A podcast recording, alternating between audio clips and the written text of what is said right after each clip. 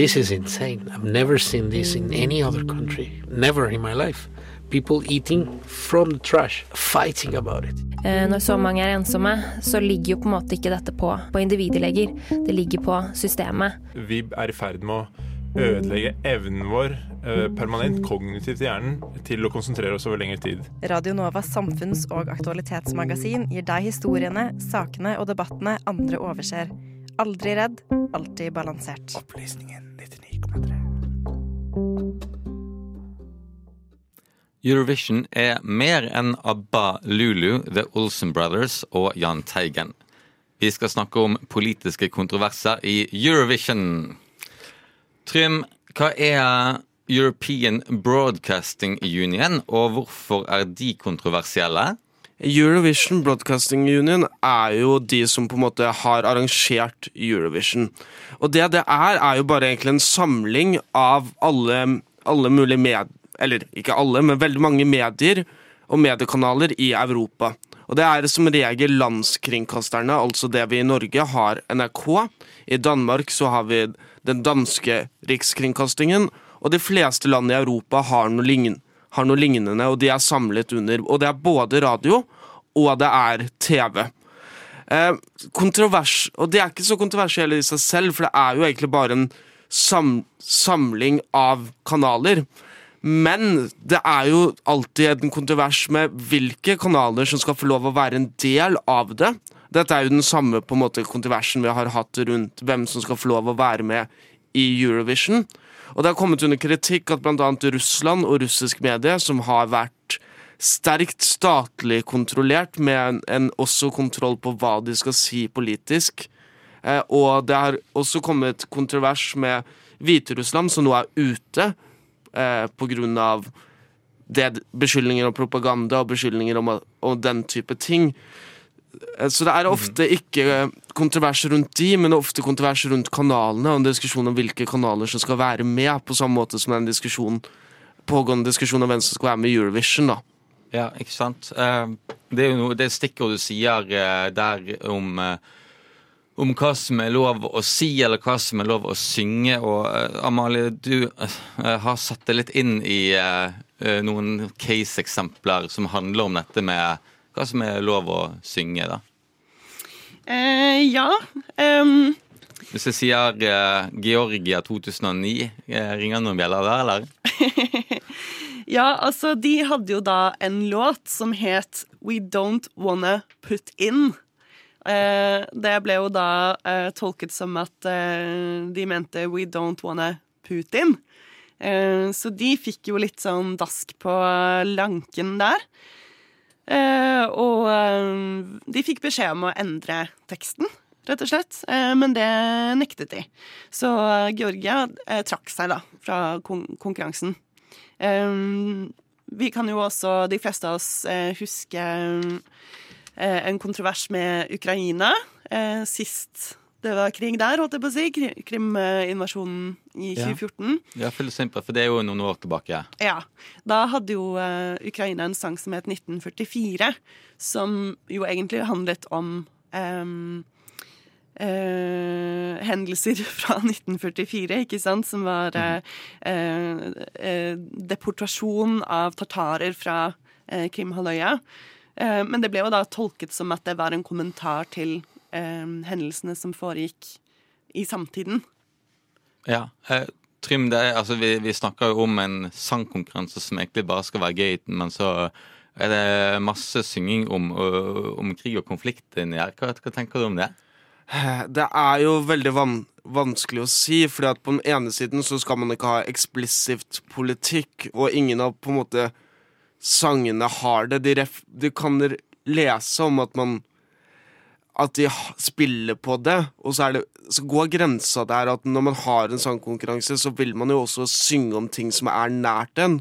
Og ting som ofte er nært en, er jo politikk og er Politikk og kjærlighet er jo to av de tingene som ofte synges om, og ofte synges om sammen. Så det gjør det jo litt vanskelig. Og så er det jo et spørsmål som har dukket opp, og spesielt dukket opp i min hjerne, om at egentlig hele Eurovision-konseptet er jo litt politisk som, som en idé. For da Eurovision ble grunnlagt, så var jo planen om at nå skal vi samle Europa sammen. Vi skal få et event, litt sånn som på samme måte som olympiske leker i verden, der vi samler de beste sangerne for fred og for, bli en, for å bli et helt Europa hvor vi kan heie på hverandre. Og den ideen er jo politisk. Det er jo en idé om å samle et Stor-Europa. Det er en idé om å samle fred, og det er jo til en viss grad politikk, så det er jo for grunnleggende politikk. Men når det skal være en konkurranse for å heie og fremme det beste euro europeisk, så kan jo det å bli for politisk også gjøre at man mister samholdet, som er det som så utrolig mange liker ved Eurovision. Dette, den mm. ideen om en europeisk fellesskap, at vi kan heie på hverandre, at vi kan ha crazy kostymer. Den ideen om et fredelig alternativ til det krig, da. Som Sånt. var Ja. Ideen om, om et fredelig Europa og, og, og fellesskap og, og, alle de positive hva skal vi si, moralske ideene der. Eh, Amalie, stiller deg litt eh, kriti Ikke kritisk spørsmål, men litt sånn uh, ja, rett og slett hvilke, altså, hvilke land er det som er, er med i Eurovision? Hvem bør være med, og hvem bør ikke være med? Jeg tror ikke jeg har tid til å liste opp eh, alle landene som er med. Eh, og det har jeg heller ikke oversikt over, for å være helt ærlig. Men jeg tror jeg skjønner hvor du vil med det her. Jeg har jo tidligere uttalt meg kritisk til at Australia er med. Eh, men det er jo ikke av politiske grunner. Det er bare fordi jeg er eh, en liten pedant som mener at eh, Australia ikke er en del av Europa. men, det har, men, det er en partnerkanal i Eurovision Broadcast Union som har gjort hvorfor de har fått lov til å være med. Riktig, ja. Men vi trenger ikke dra så langt ut i periferien for å snakke om hvilke land som burde være med eller ikke. For vi har jo Armenia og Aserbajdsjan. Var en liten konflikt der, Amalie? Ja, eh, faktisk. Eh, altså, de har jo en løpende konflikt som har vart i mange, mange år. Men eh, hvis vi snakker spesifikt om EEC-sammenheng, da, så var det jo i 2012, da Aserbajdsjan skulle være vertsland for konkurransen, så hadde jo da presidenten Ilham Aliyev gått ut og sagt eh, februar samme år at eh, eh, hovedfienden deres er armenere over hele verden. Eh, og det likte jo ikke armenerne så veldig godt, så de trakk seg da fra konkurransen. Og det viser jo at selv om det skal være samhold, så er det jo mye splittelse, og konfliktene kommer jo til overflaten, selv om man prøver å holde det politisk fritt. Mm. Det er jo litt sånn eh, det har jo vært diskutert, da, eh, hvis eh, Eurovision skal være en eh, upolitisk arena, og nå har jo Russland blitt kastet ut um, på grunn av mm. deres uh, handlinger dette året. Um, det er jo mm. politisk. Du, det, så du, det, det, er jo Du har Russland, og så har du Ukraina, som er en pågående konflikt.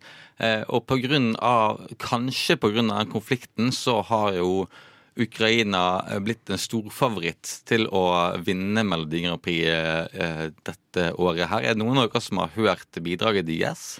Ja, årets bidrag fra Ukraina er det vi kaller etnonasjonal rap. Som betyr at det er, det er en klassisk Eurovision-greie. At du tar moderne sjanger, som i dette tilfellet er den moderne sjangeren rap, og blander den med nasjonale folketoner. Eh, så, så, den har liksom fløyte og nasjonale folkemelodier, og dette så vi jo i fjor.